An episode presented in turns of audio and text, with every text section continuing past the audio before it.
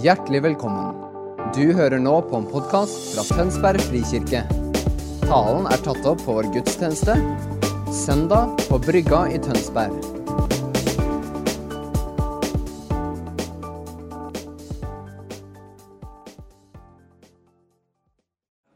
Og Vi ber far at du skal tale til hver enkelt av oss, Herre. Tal til barna som er på barnemøte, Herre. Til de unge, Far i himmelen. Tal til oss som forsamling, Herre. Takk, Herre Jesus, at når ditt ord åpner seg, da gir det lys, Herre. Og det er det vi ber om i dag, at du åpner ditt ord for oss og gir oss åpenbaring, Herre. Ikke bare hodekunnskap og hodeforstand, Herre, men åpenbaring ned i hjertet, Herre. Så det kan smelte sammen, Herre, med våre hjerter. Priser deg, Fader. Takk at du velsigner menigheten her, Gud. Du ser alt som menigheten står i, far. Fra det yngste til de eldste, Herre. Takk, Jesus, at det er du som bygger din menighet, Herre. Vi ærer og tilber deg, Herre. Gode Gud, vi elsker deg, Fader. I Jesu navn. Og alle folket sa? Amen. Tusen takk. Skal vi gi lovsangerne en applaus, eller? Så fint. takk, Jesus. Vi har eh, gleda oss skikkelig til å besøke dere i dag. Tusen takk for invitasjonen til å komme hit og dele om Romerbrevet 11 og, og det jødiske folk. Um, jeg vet ikke helt om jeg skal begynne med en synsbekjennelse, eller om jeg skal be om tilgivelse. Men uh, kona mi og jeg vi flytta som familie ned til Åsgårdstrand i Tønsberg her for uh, snart tre år siden. Og, og det er faktisk første gang vi er på møte her. Ikke si det til noen. Skulle vært her for lenge siden, men vi har i hvert fall gleda oss veldig. Halleluja. For mitt vedkommende så begynner jeg søndagen her hos dere i dag, og den ender opp i Jerusalem sent i kveld. Så, så det er mye som skjer i løpet av dagen. Eh, for å sette litt kontekst av det jeg skal preke om ut fra Romerbrevet 11, hvor Paulus underviser om jødene og Israel, så har jeg bare lyst til å sette en ramme, så vi har en felles forståelse på Guds verk i denne verden. Vi vet jo at denne verdens gud, det er den onde. Og denne verden ligger i det onde.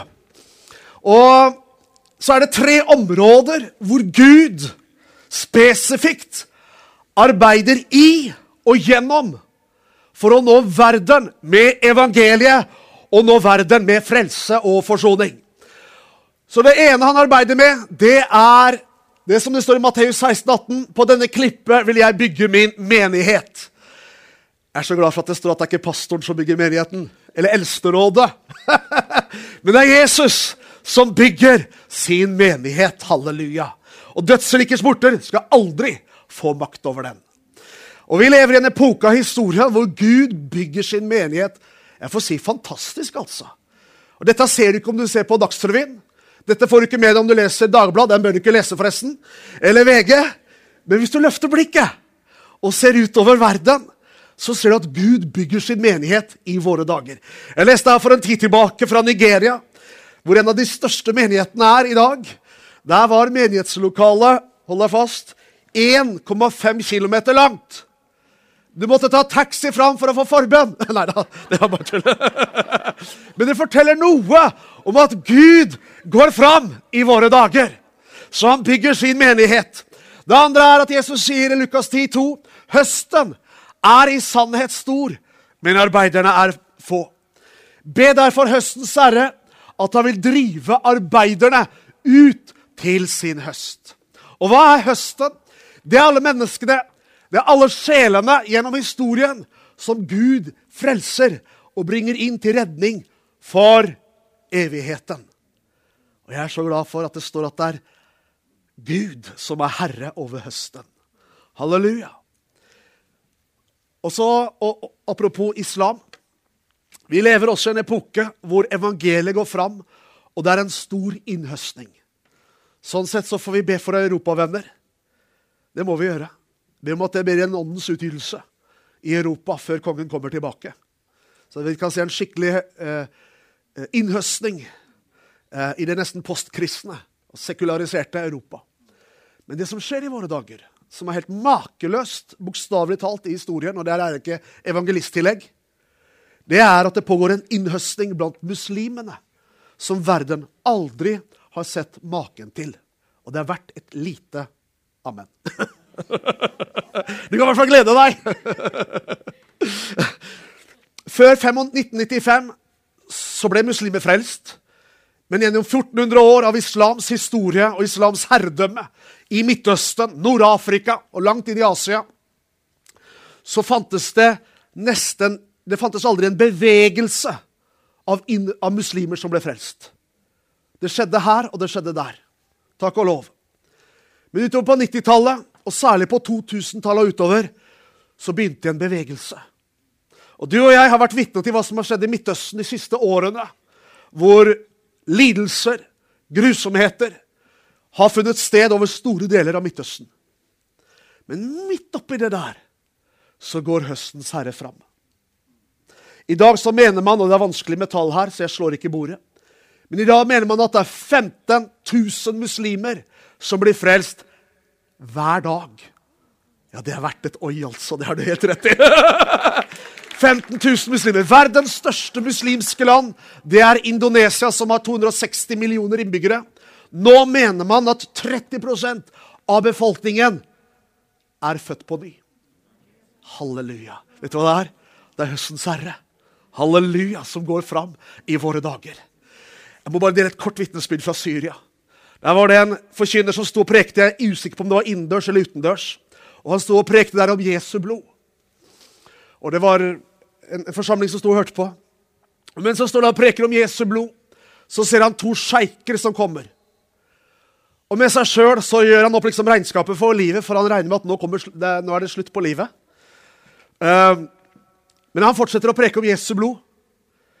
Og I avslutningen så inviterer han til forbønn osv. Og, så og så kommer disse to sjeikene frem. De hadde hver sin moské. Og så tenkte han at nå, nå er det slutten. Og så spør disse sjeikene er dette Jesu blod for oss også. Og så ble de frelst, begge to. Begge moskeene deres ble gjort om til kirker. Halleluja! Gud går fram i våre dager! Du sa at det her hører du ikke på NRK. Du må løfte, gjøre som Abraham, du må løfte blikket og se hva Gud gjør i denne tiden. Så Det er noe av det fantastiske, det er hva Gud gjør i den muslimske verden. Og man mener at den sterkeste vekkelsen i dag den finner sted i Iran. Under eh, Shan på 60-tallet så var det knapt muslimer var, eller knapt, knapt frelste folk i Iran. I dag mener man at det er mellom tre og fem millioner brennende troende som fins i Iran.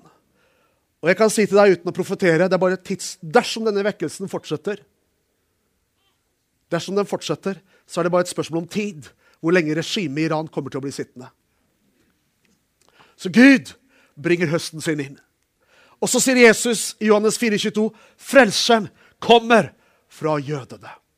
Og disse tre, menigheten, høsten og det jødiske folket, er det som Gud arbeider i og gjennom i en verden som ligger i det onde.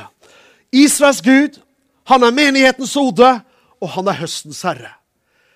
Og Det bildet er viktig å ha klart for seg. Tar du bort menighet her, så blir det forvirring. Tar du bort misjon, så blir det feil. Og tar vi bort jødene, så blir det også galt. Men det er faktisk det vi som kirke og kristenhet har gjort i nesten 2000 år. Alle kirkefedrene forkynte at Gud har forkastet jødene. Ikke bare forkynte man at Gud hadde forkastet jødene, men man forkynte også at Gud hater jødene. Og det er ingen i dag, ingen, som vet hvor mange millioner jøder som har blitt drept opp gjennom historien pga. kirkens hat mot dette folket. Vi liker å tenke om oss sjøl at ja, men vi er jo snille. Det har vi ikke vært med det jødiske folket. Og Midt i dette bildet som jeg akkurat nå tar opp her, hvordan kirken har vendt seg mot jødefolket, så blir det så forunderlig å gå inn i Romerbrevet kapittel 11. For det er klinkende klart. Og det er kapittel 11 Ja, jeg hopper over det her fra Skal vi se, det gjør jeg ikke. Vers 1. Der sier Paulus, 'Jeg spør da, har Gud forkastet sitt folk?' Og så svarer han på ingen måte. Og dette ordet 'på ingen måte' er det sterkeste uttrykket i Det nye testamentet på grunnteksten. Det er noe sånn som hvis, hvis vi skulle tatt det litt fritt oversatt, så ville det vært noe sånt som har Gud forkastet sitt folk. Er du gæren? Det er noe sånt Paulus sier her. Jeg er også en israelitt, av Abrahams slekt, av Benjamins stamme. Gud har ikke forkastet sitt folk, som han tidligere har vedkjent seg, slår han fast. Når Paulus skriver romerbrevet, så som, er, som, vi kanskje kan si et de, vi kan i hvert fall si at det er et av de største brevene. det kan vi si. Og Vi skal ikke sette Guds ord opp mot hverandre, for det blir veldig galt. Men, men romerbrevet er viktig. Er vi enige? Da går jeg videre. Eh, romerbrevet ble skrevet rundt år 55-56 etter Kristus. Og i år 49, altså fem-seks år før Paulus skriver romerbrevet, så fordriver keiser Claudius Han fordriver jødene fra Rom. Både de som var jøder, og de som var frelste jøder, altså messianske jøder, de ble fordrevet ut fra Rom. For den første menigheten i Rom det var både jøder og, som var frelst, og kristne. Hedninger som var blitt frelst. Som var sammen i menigheten i Rom. Så Paulus han skriver dette brevet til en menighet som har vært uten kontakt med jødefolket og med opphavet. Eh, når han skriver til, brevet til menigheten i Rom. Og Det er helt tydelig at Paulus har mye på hjertet når det gjelder å forstå dette med jødene i romerbrevet. Han er stadig vekk, altså, han skriver ikke mer enn tre vers. Romerbrevet 1 vers 3. Så slår han fast at Guds sønn, Messias, Kristus, han var en jøde. Han skriver 'sønn av David'. Med andre, Han er jødisk ett. Tre vers skriver han, for han slår fast i Romerne 1 overfor menigheten i Rom av hedninger at dere må forstå at denne frelsen som vi er en del av, den kommer ikke fra hvor som helst fra. Den kommer fra jødene. Og stadig vekk, når han skriver utover, så er han innom jøder og hedninger. Han snakker ikke om det som er et kollektivt, ett folk, men han snakker om jøder og hedninger. Han erkjenner at Gud er ikke ferdig med dette folket. Han arbeider fortsatt med dette folket. Og Så kommer det til Romerne 9, 10, og så særlig vers 11, kapittel 11, så, så klemmer han til. Og han slår fast at Gud har ikke forkastet sitt folk. Og her hopper jeg litt for å spare litt tid. Romerne 11, vers 11. Det som Paulus deler her, og som jeg skal peke på Fem ganger i Romerbrevet 11 så slår Paulus fast at jødene forkastet Jesus for at dere skulle bli frelst. Det er et mysterium. Det er et mysterium, venner. Jødene forkastet Jesus for at dere skulle bli frelst. Romerne 11, 11 sier han. Jeg sier altså har de snublet for at de skulle falle, og så har de forkastet Messias, Kristus, for at de skulle falle. Og så sier han igjen på ingen måte. Men ved deres overtredelse er frelsen kommet til hedningefolkene. Hvis nå deres fall er blitt til rikdom for verden. Vers 15. For om deres, altså jødenes forkastelse, er til forlikelse for verden. Vers 28. Ifølge evangeliet er de fiender.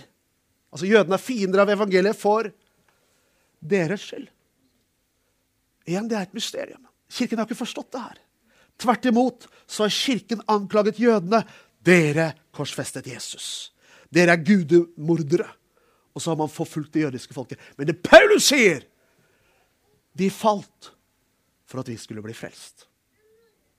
I Apostels gjerning kapittel 3 så sier Peter at på denne måten har Gud oppfylt det profetene talte om. Og det kan du tenke litt på.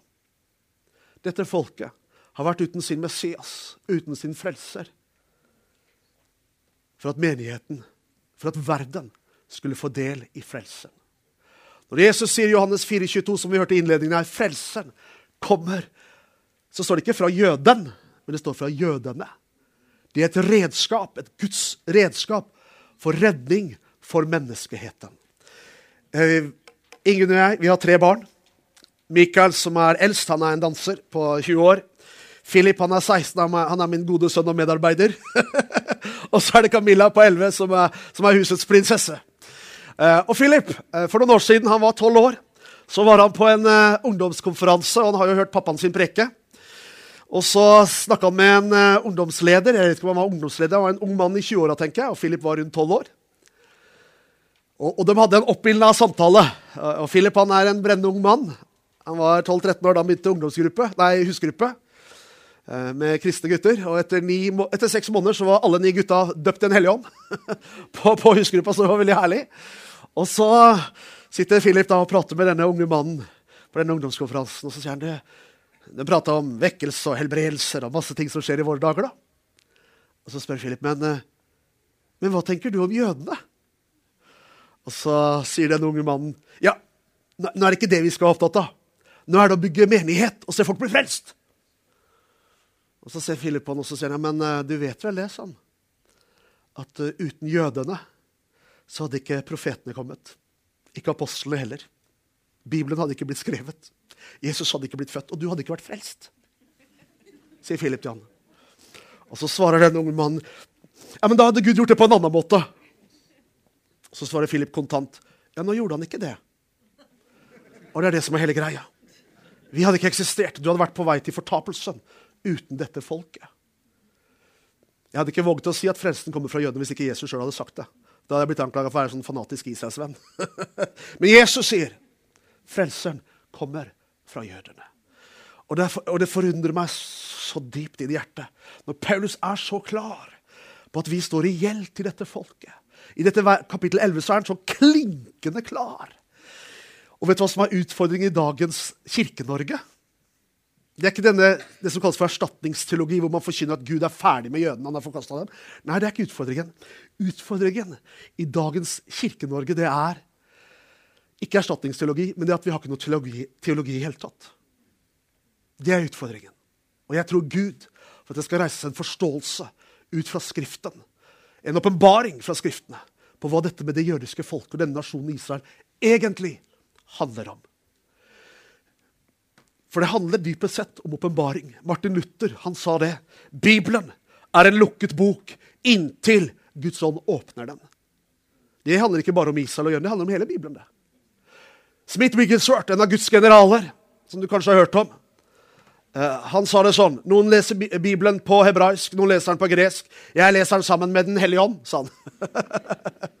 og det er et godt poeng. Vi behøver at Gud, Guds ånd åpner Skriftene for oss. Og um, vi har kommet til en epoke i historien, tror jeg, hvor Gud gjør det når det gjelder dette med det jødiske folk og nasjonen Israel. Opp gjennom kirkehistorien under påsken, f.eks., når man gikk sine, i sine prosesjoner med kors og sang, sangene, påskesangene, så forfulgte man samtidig jøder. Kirkelige høytider har gjerne vært en høytid for hat mot jøder. Det er faktisk så brutalt at uh, under andre verdenskrig så kunne man i Der Styrmer, som var propagandavis til nazistene, lese sitater fra Martin Luther. Under oppgjøret med nazistene etter andre verdenskrig så sa nazistene vi gjorde bare hva Luther sa. Vi takker Gud for Martin Luther og den reformasjonen han skapte inn i kirken sammen med en del andre redskaper. Det takker vi Gud for. Men dessverre så kom det ingen reformasjon i synet på jødene. Forakten mot dette folket. Fiendskapet mot dette folket fortsatte i kirken. Historisk har det vært unntak, særlig i Storbritannia fra puritanerne på 1500-tallet og fremover. Men i det store og hele så har Kirken foraktet dette folket som har gitt oss frelsen. Og ikke bare har de gitt oss frelsen, men de har betalt en ufattelig pris gjennom hele historien for å være Guds redskap for å redde deg og meg for evigheten. Og Er det noe Paulus er tydelig på i Romer 11, så er det at dere må forstå at dette folket for det er, det, er, det er, som om Paulus fornemmer en liten arroganse her mot jødene, som dessverre kom til å prege kirken. Og det han konfronterer dere, at eh, dere må forstå at grunnen til at jødene ikke er frelst i dag, det er for at dere skulle bli frelst. Ifølge evangeliet er de fiender for deres skyld. i vers 30. Det er femte gangen han sier det i samme kapittel. For på samme måte som dere en gang var ulydige mot Gud, men nå likevel har fått Hør hva som står. Har, dere har fått miskunn ved deres, altså jødenes, ulydighet. Så kan du tenke at ja, de var dumme. Hvis du leser litt seinere, det skal vi se på, så står det at det fins en forherdelse over dette folket. Inntil hedningenes fylde er kommet inn. Og i den epoken mens dette folket er et ufrelst folk som ikke kjenner seg som Messias, så skal vi som kjenner Jesus Kristus, vise dem hans virkelige ansikt. For det har vi ikke gjort gjennom hele kirkehistorien.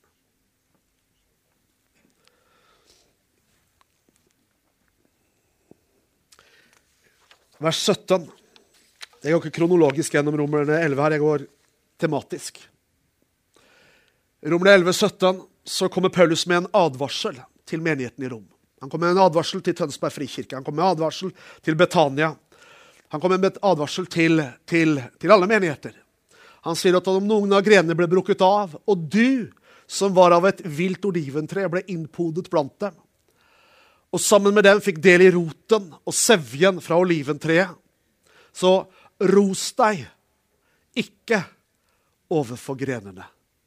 Men dersom du roser deg, så husk at det er ikke du som bærer roten, men det er roten som bærer deg.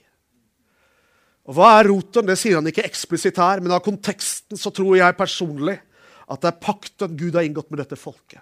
Pakten han inngikk med Abraham, Isak, Jakob og det jødiske folket. Den pakten som vi ikke hadde tid til å ta i stad, det er en ensidig pakt inngått fra Gud. Den er annerledes enn den nye pakt. I nye pakt så er det frelse. Det er det ikke pakten Gud har med jødene. det er ikke frelse for dem. Men de er kollektivt utvalgt som et folk for å være et redskap i hans hånd. 5. Mosebok kapittel 7 sier, 'For du er et hellig folk for Herren din Gud'. Hva ligger i det? Jo, det er tilsidesatt for Guds hensikt en verden som ligger i det onde. Og den pakten, hvis du leser 1. Mosebok 15, det var ikke Abraham og Gud som inngikk en pakt. Nei. Det var Gud suverent som inngikk en pakt med Abraham og jødene. Er det viktig? Det er kjempeviktig. For det betyr at jødene kan ikke bryte pakten. For de har aldri inngått den pakten. Sånn sett så er den annerledes enn en ny pakt. I den nye pakt så står, leser vi at av nåde er dere frelst ved tro. Det betyr at Jesus har gjort verket. Og så kan du ta imot ved tro og få del i pakten. Men om du vender deg bort og sier at 'nei, det her vil ikke ha noe med å gjøre', da er du ute av pakten. Sånn er det ikke med jødene. De er utvalgt, både i lydighet og når de er ulydige, så Gud, bruker Gud dem til sine hensikter. Ganske forunderlig, for det er veldig annerledes enn hvordan vi som menighet fungerer i den nye pakt. Og her står det 'ikke ros deg overfor grenene'. Vi hadde en evangelist ansatt hos oss, eller en forkynner, som het Paul Pedersen. Kanskje noen av dere vet hvem han er? En veldig herlig bror. Og han jobba en epoke hos oss for noen år tilbake. Han reiste mye rundt omkring og prekt, både i Norge og utenlands. Og Så ble han kontakta av en menighetsleder, og så sier han til han etter at han begynte å jobbe hos oss, og så sier denne menighetslederen til han, du, sånn, du må komme og preke i menigheten vår. Du må komme og besøke oss igjen. Og så la han til, men ikke et ord om Israel. Og Hva er det her for noe? Det er akkurat det Paulus advarer mot. Det er en arroganse. Det er en fristelse for menigheten til å være arrogant overfor dette folket som har gitt oss frelse. De falt for at vi skulle bli frelst. Og vi som har møtt trøsteren fra Nasaret, vi er de som virkelig burde vise dette folket trøst, kjærlighet og omsorg. Det er vårt hjerte i den kristne ambassaden. Når vi har brukt snart en halv milliard på å hjelpe over 140 000 jøder hjem til Israel. I sosialt hjelpearbeid i fjor var det over 11 000 som fikk hjelp i Israel. Både jøder og arabere, kristne og muslimer. Basert på uh, befolkningssammensetningen i landet. Vi ønsker å vise dette folket kjærlighet og omsorg. Eller la meg si det sånn Vi ønsker å vise jødene et annet ansikt av Jesus.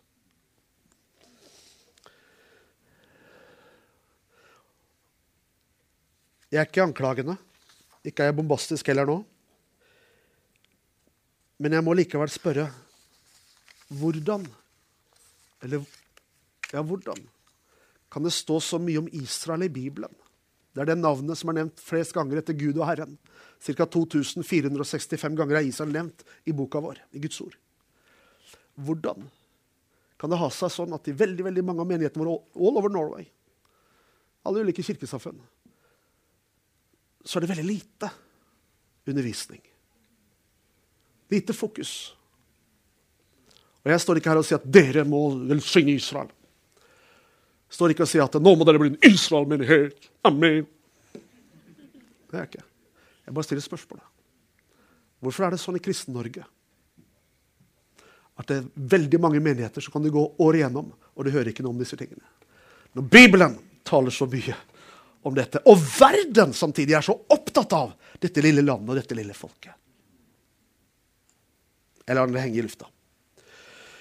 Men takk og lov, Paulus har også noen fantastiske, gode nyheter. Det er ikke bare sånn at han underviser menigheten i Rom at dere må forstå at jødene forkastet Jesus for at dere skulle bli frelst. Det er ikke bare sånn at han advarer mot arroganse mot jødene, men han har noen veldig herlige, gode nyheter. Halleluja. Så sier han i Romerne 11, vers 12.: Hvis nå deres fall er blitt til rikdom for verden, og deres fåtall til en rikdom for hedningefolkene, så sier han hvor mye mer da deres fylde. Og Når vi leser Bibelen, så leser vi også bare leser videre. Men, men ta grunnen litt på det ordet der. For det er vanskelig jeg synes i hvert fall det er vanskelig å forstå intellektuelt med hodet.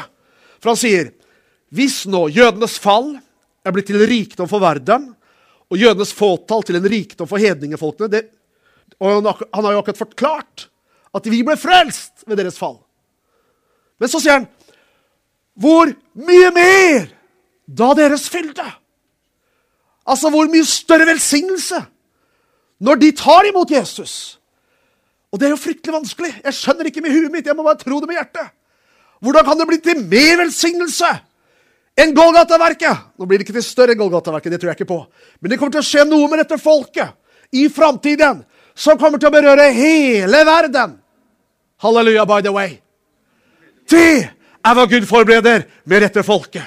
Iblant så vet jeg Ingen anklager. Jeg vil ikke være blant anklagerne, for vi vet hvem som er sjefsanklageren. Og det teamet er vi ikke på.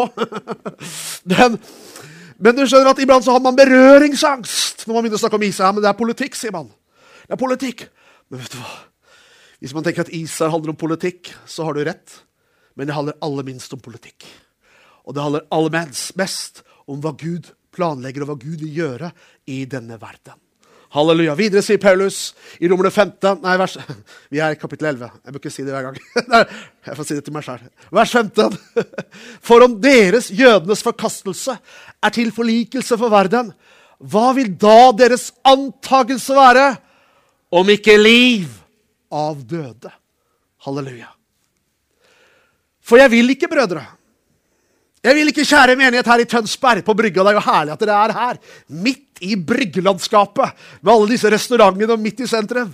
Så herlig at dere er her og løfter opp navnet Jesus. For jeg vil ikke, brødre, at dere skal være uvitende om denne hemmeligheten. Hvilken hemmelighet? Jo, så de ikke skal være kloke i egne øyne. Igjen så tar han liksom denne litt advarende tonen overfor menigheten. Så sa det. Nemlig at forherdelse har rammet en del av Israel inntil fylden av hedningefolkene er kommet inn. Og dette, En del av Israel er dårlig oversatt i den bibelen her, eller denne oversettelsen her. Det det snakker om, det er det er kommet en delvis, en epoke, en periode i jødefolkets historie. Ikke halve Israel, men en, en periode hvor det fins en forherdelse over dette folket. Det er det Paulus sier. Og så sier han at den forherdelsen når det gjelder Messias, den er der inntil fylden av hedningefolkene er kommet inn. Nå takker vi Gud for at i våre dager så ser vi en vekst av jøder som blir frelst. I dag så er det mellom 20 og 30 000 messianske jøder, som vi kaller de jødene som tror på Jesus. Messianske jøder i Israel. Ganske herlig. I 1948 så mente man at det var tolv jøder. Tolv messianske jøder i Israel. Det er jo et artig tall. Har vært, de har vært tolv før, de. I dag mener man mellom 20 og 30 000. 200-300 menigheter. Man er ikke helt sikre på tallene her. Det er de ikke selv heller. Men, men det pågår en epoke, noe i Israel, hvor dette med navnet Jesus at det blir en større og større åpenhet. Her For eh, påske for et par år siden så var mediasjefen vår David Parsons. Vi har en stab i Jerusalem på 40 stykker, og vi har kontorer i 90 land. Eh, og David Parsons han var på israelsk TV primetime. Og så ble han spurt av programlederen. Og Det hadde aldri skjedd for ti år siden. Så spør han, så sier programlederen ja, nå har jo vi jøder, vi jøder Eller det er jo ikke bare vi jøder som feirer påske. Også dere kristne gjør det. Kan du fortelle? På beste sendetid på israelsk TV. Helt utenkelig for ti år siden. Men det er lyden av regn. Ting som begynner å skje. Her for eh, noen måneder, eller I fjor var det vel, så utnevnte Israels statsminister en rådgiver som heter Hananya Naftali. Noen av dere kanskje har sett videoene hans på Facebook. De har vist millioner av ganger. Han er messiansk jøde. Aldri skjedd før Israels historie at Israels statsminister utnevner en rådgiver som er messiansk jøde. Noe som er i ferd med å skje i det landet når det gjelder dette folket og Jesus. Så Paulus sier at det er en delvis forherdelse over jødene. Og så sier han i vers 26.: Og slik skal hele Israel bli frelst. Og vet dere dette ordet 'og slik skal hele Israel bli frelst' Vet dere hva det egentlig betyr? Det betyr egentlig 'og slik skal hele Israel bli frelst'. Det er hva Paulus sier her. Ja, Men er det mulig? Alt er mulig for Gud. I hvert fall hvis du har lest resten av boka. slik skal hele Israel bli frelst. Som det står skrevet ut, frieren skal komme fra Sion, og han skal vende ugudelighet bort fra Jakob. Det, det er hva Gud forbereder. Når Gud etter 2000 år henter dette folket tilbake igjen. Sånn som Moses sa det, Jesaja sa det, Esekiel sa det, Jeremia sa det, Daniel sa det, Amos sa det. De sa det alle sammen. Hva da? At det kommer en dag i historien da Gud selv skal hente jødene tilbake til landet sitt. Og når han gjør det, så er det ikke bare for at de skal få landet sitt tilbake. Det er ikke bare for at de fortsatt skal være på flukt. Det er ikke bare for at de skal få et land som skal blomstre og, blomstre og gro. Nei, han henter dem hjem fordi han skal frelse dem. Det er hva Gud forbereder. Så Neste gang du hører om Israel i mediene, så ikke bare tenk på hva journalistene skriver, men tenk på hva Guds ord skriver. At Gud bringer dette folket hjem for å frelse dem, for å opprette dem. Halleluja. Og Det er noe av det vi står foran i, i, i det store bildet om hva Gud gjør i denne tiden. Vi sier at Han bygger sin menighet, han bringer høsten inn. Han gjenoppretter nasjonen Israel og det jødiske folket.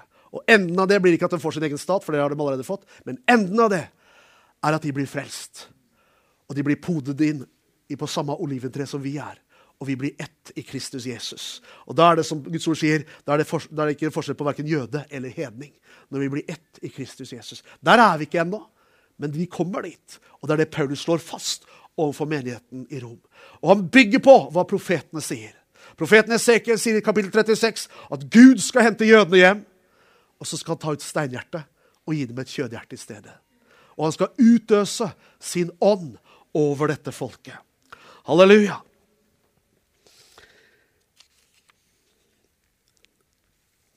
Så er spørsmålet hva gjør vi midt oppi det her? Hva er vår rolle midt oppi det her? Jo, det er å vise dem kjærlighet. Vise dem at vi som har møtt Jesus, vi elsker dem. For det har de ikke sett gjennom historien. Noe folk som står sammen med dem og drar omsorg for dem. Tvert imot så har det hele tiden, i hver generasjon, vært en Goliat. Vært en Haman. Vært en keiser Hadrian vært en Hitler, vært en Arafat, vært en Ahmadinejad som vil utslette dette folket. Hele historien deres er prega av det her. Hvorfor det? Jo, fordi fienden der nede, den onde, han vet at kan han få has på dette folket, så vil han ødelegge Guds planer her i verden. Men takk og lov, han verken sover eller slumrer. Han som er Israels vokter. Du skjønner at Det fins ingen makt i dette universet som kan fjerne denne nasjonen. Ingen makt, ingen kraft, fordi Gud selv står bak dem. Er de fullkomne? Nei. Like, liten, like lite som kirken er fullkommen. Er det sånn at Gud er bare glad i jødene? Langt derifra. Gud elsker alle mennesker like høyt. Enten det er jøder eller arabere. Svensker òg, holdt jeg på å si. Gud elsker alle mennesker like høyt. Hvis vi kunne fått pianisten igjen. Eh, der var pianisten, ja. Eh, det var nettopp fordi han elsket verden at Gud oppreiser dette folket. For å redde menneskeheten fra evig død og fortapelse. Derfor brakte han dette folket inn til eksistens. Og han har inngått en pakt med dem. Og Paulus, han underviser Romerne, litt, litt lavere. Romerne 9, 10 og 11. Så underviser Paulus om jødene. Og, og særlig i kapittel 11 så trykker han til. Men det er interessant hvordan Paulus avslutter undervisningen om jødene. Det kan hende Jeg skal spørre han, spørre han når jeg møter han en dag. Men jeg lurer på om ikke Paulus, når han sitter og skriver dette brevet til menigheten i Rom, og har undervist, han har forklart romerne, han har forklart kirken, at dere må forstå at Gud er ikke ferdig med dette folket. Dere må forstå at de forkastet Jesus for at vi skulle frelse. Det må forstå at vi står reelt i dette folket. Det kan hende at Paulus lurte på innenfor Gud. Hvorfor måtte mitt folk, ditt eget eiendomsfolk, forkaste Frelseren for at hedningene skulle bli reddet? Det kan godt hende at Paulus lurte på at Paulus hadde stor nød for sitt eget folk. Stor nød for jødene. Han sa noe som jeg ikke har hørt noen evangelist si noen gang. Han sa følgende Han sier at jeg har en stor nød for mine landsmenn, jødenes skyld, sier han. Jeg kunne vært forbannet bort fra Kristus for dem. Hva betyr det, venner? Han sa at jeg Han sier det. Jeg kunne gått fortapt hvis bare jødene hadde blitt frelst. Like fullt så gikk han til hedningene. Men han hadde en nød, han hadde en kjærlighet i folket sitt. Som kirken må ta opp, i hvert fall i våre dager. Og Det kan være at Paulus lurte på Gud. Hvorfor? Hvorfor måtte vi som har hatt profetene, vi som du har utvalgt, hvorfor må vi lide gjennom historien? uten Messias. For at verden skulle bli frelst. I hvert fall så avslutter Paulus undervisningen om jødene på følgende måte. Han sier, 'Å, hvilken dybde av rikdom og visdom og kunnskap hos Gud.' Hvor uransakelig hans dommer er, og hvor utgrunnelig hans veier. For hvem har kjent Herren sin? Eller hvem var hans rådgiver? Eller hvem har først gitt noe til ham, så han skulle få gjengjeld? For av ham, ved ham og til ham er alle ting. Ham være æren i all evighet. Amen. Og der slutter undervisningen om jødene i romerbrevet. Hva er det han sier? Alt eksisterer. Også det jødiske folk eksisterer for ditt navns skyld, Gud. For det er deg alt handler om. Det er deg alt handler om. Jeg skal avslutte. Nå hopper jeg litt til romerne 15. Av meg unnskyldt. Men nå drar jeg Her har jeg en kollektinnsamling. Men nå drar jeg til Jerusalem for å tjene de hellige. For de fra Makedonia og Kaia hadde et stort ønske om å få gi en gave til de fattige blant de hellige som er i Jerusalem. Og så forklarer han ja, dette ville de svært gjerne gjøre, og de står også i gjeld til dem. For dersom hedningefolkene har fått del i jødenes åndelige goder, da er det også hedningenes plikt å tjene jødene med de materielle goder. Hvor forsvant det inn i historien? Men det er hva Paulus sier. Han bygger jo på det han har undervist om her. Vi har fått frelsen fra dette folket. Og han sier vi står i gjeld til dem. Du skjønner, Når du er frelst, når vi er kristne, så er ikke spørsmålet hvorfor skal vi være opptatt av Israel. Spørsmålet er hvorfor skal du ikke være opptatt av dette folket? Jeg og mitt hus, vi er evig. Vi står i evig gjeld til dem. Fordi de har vært Guds redskap til frelse for meg og mitt hus. For hele menneskeheten. Hele kirken står i gjeld til dette folket. Og Noe av det Gud gjør i denne tiden som vi lever i nå, det er at han taler til sin menighet.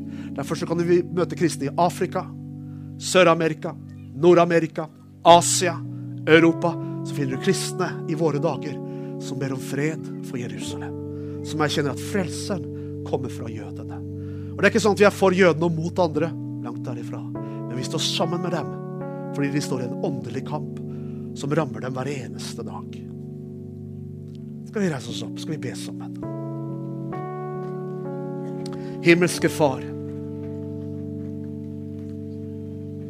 Vi erkjenner at frelsen kommer fra jødene. Vi erkjenner at ditt ord, Herre, at du selv, Jesus, kom fra det jødiske folket. Og vi erkjenner at uten dem så hadde ikke ditt rike gått fram sånn som det har gjort, Herre.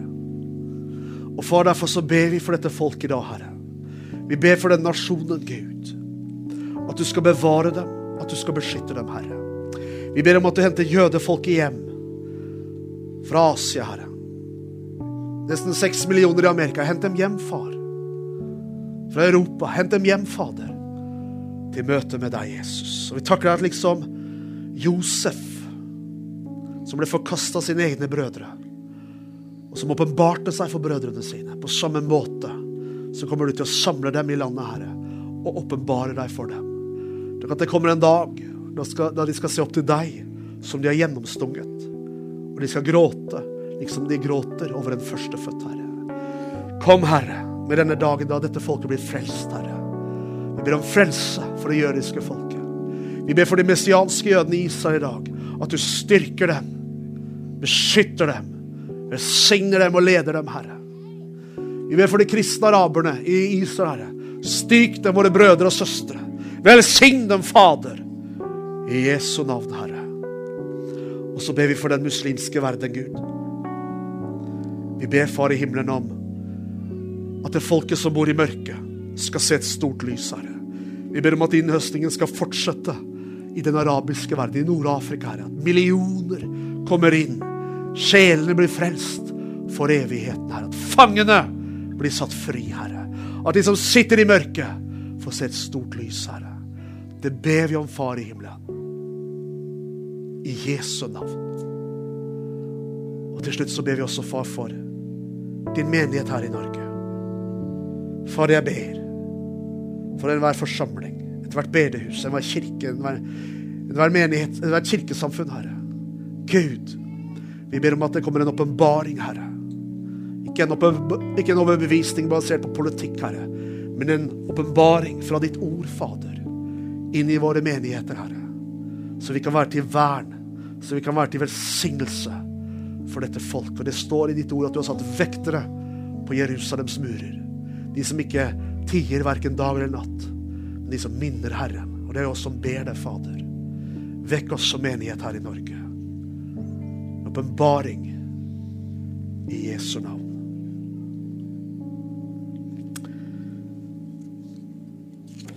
Kan bli stående før jeg, før jeg setter meg og vi skal prise Gud sammen. Så vil jeg bare spørre, hvis du er her, og det er du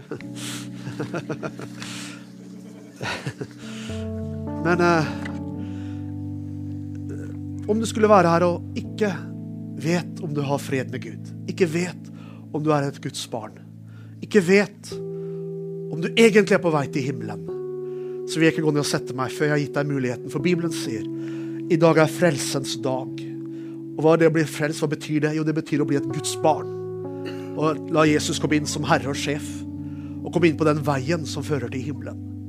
Veldig enkelt, egentlig, men det var ikke så enkelt for Jesus når han gjorde det tilgjengelig for deg og meg, når han hang på korset. Men han gjorde det enkelt for deg og meg.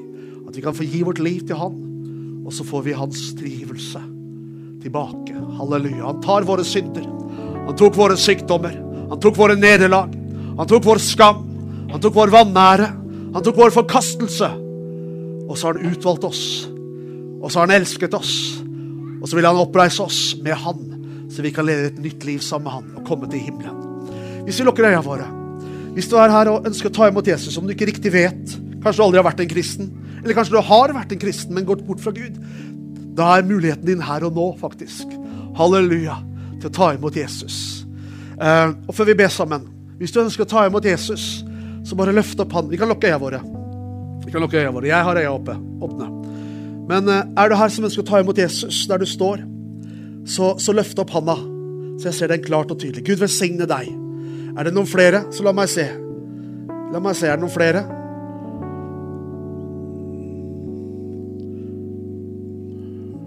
Flere? Ok. Du som rakk opp handa, og hele forsamlingen, nå ber vi sammen.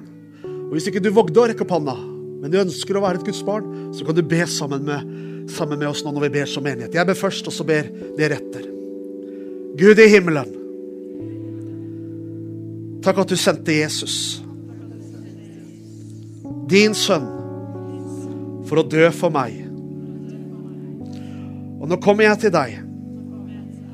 Jeg bekjenner deg, Jesus, som Herre og Frelser. Jeg tror at du reiste Jeg tror at du ble reist opp fra de døde. Og at du lever i dag. Jeg vil følge deg, Jesus. Vandre på dine veier. Fyll meg med din ånd. Og led meg i din plan og vilje. Helt til du henter meg hjem til himmelen. Takk at jeg nå er ditt barn. I Jesu navn. Amen.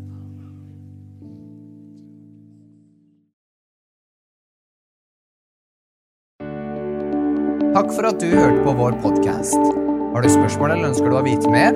Søk oss på vår nettside tonsbergfrikirke.no. Du er også velkommen til kirke på Brygga i Tønsberg.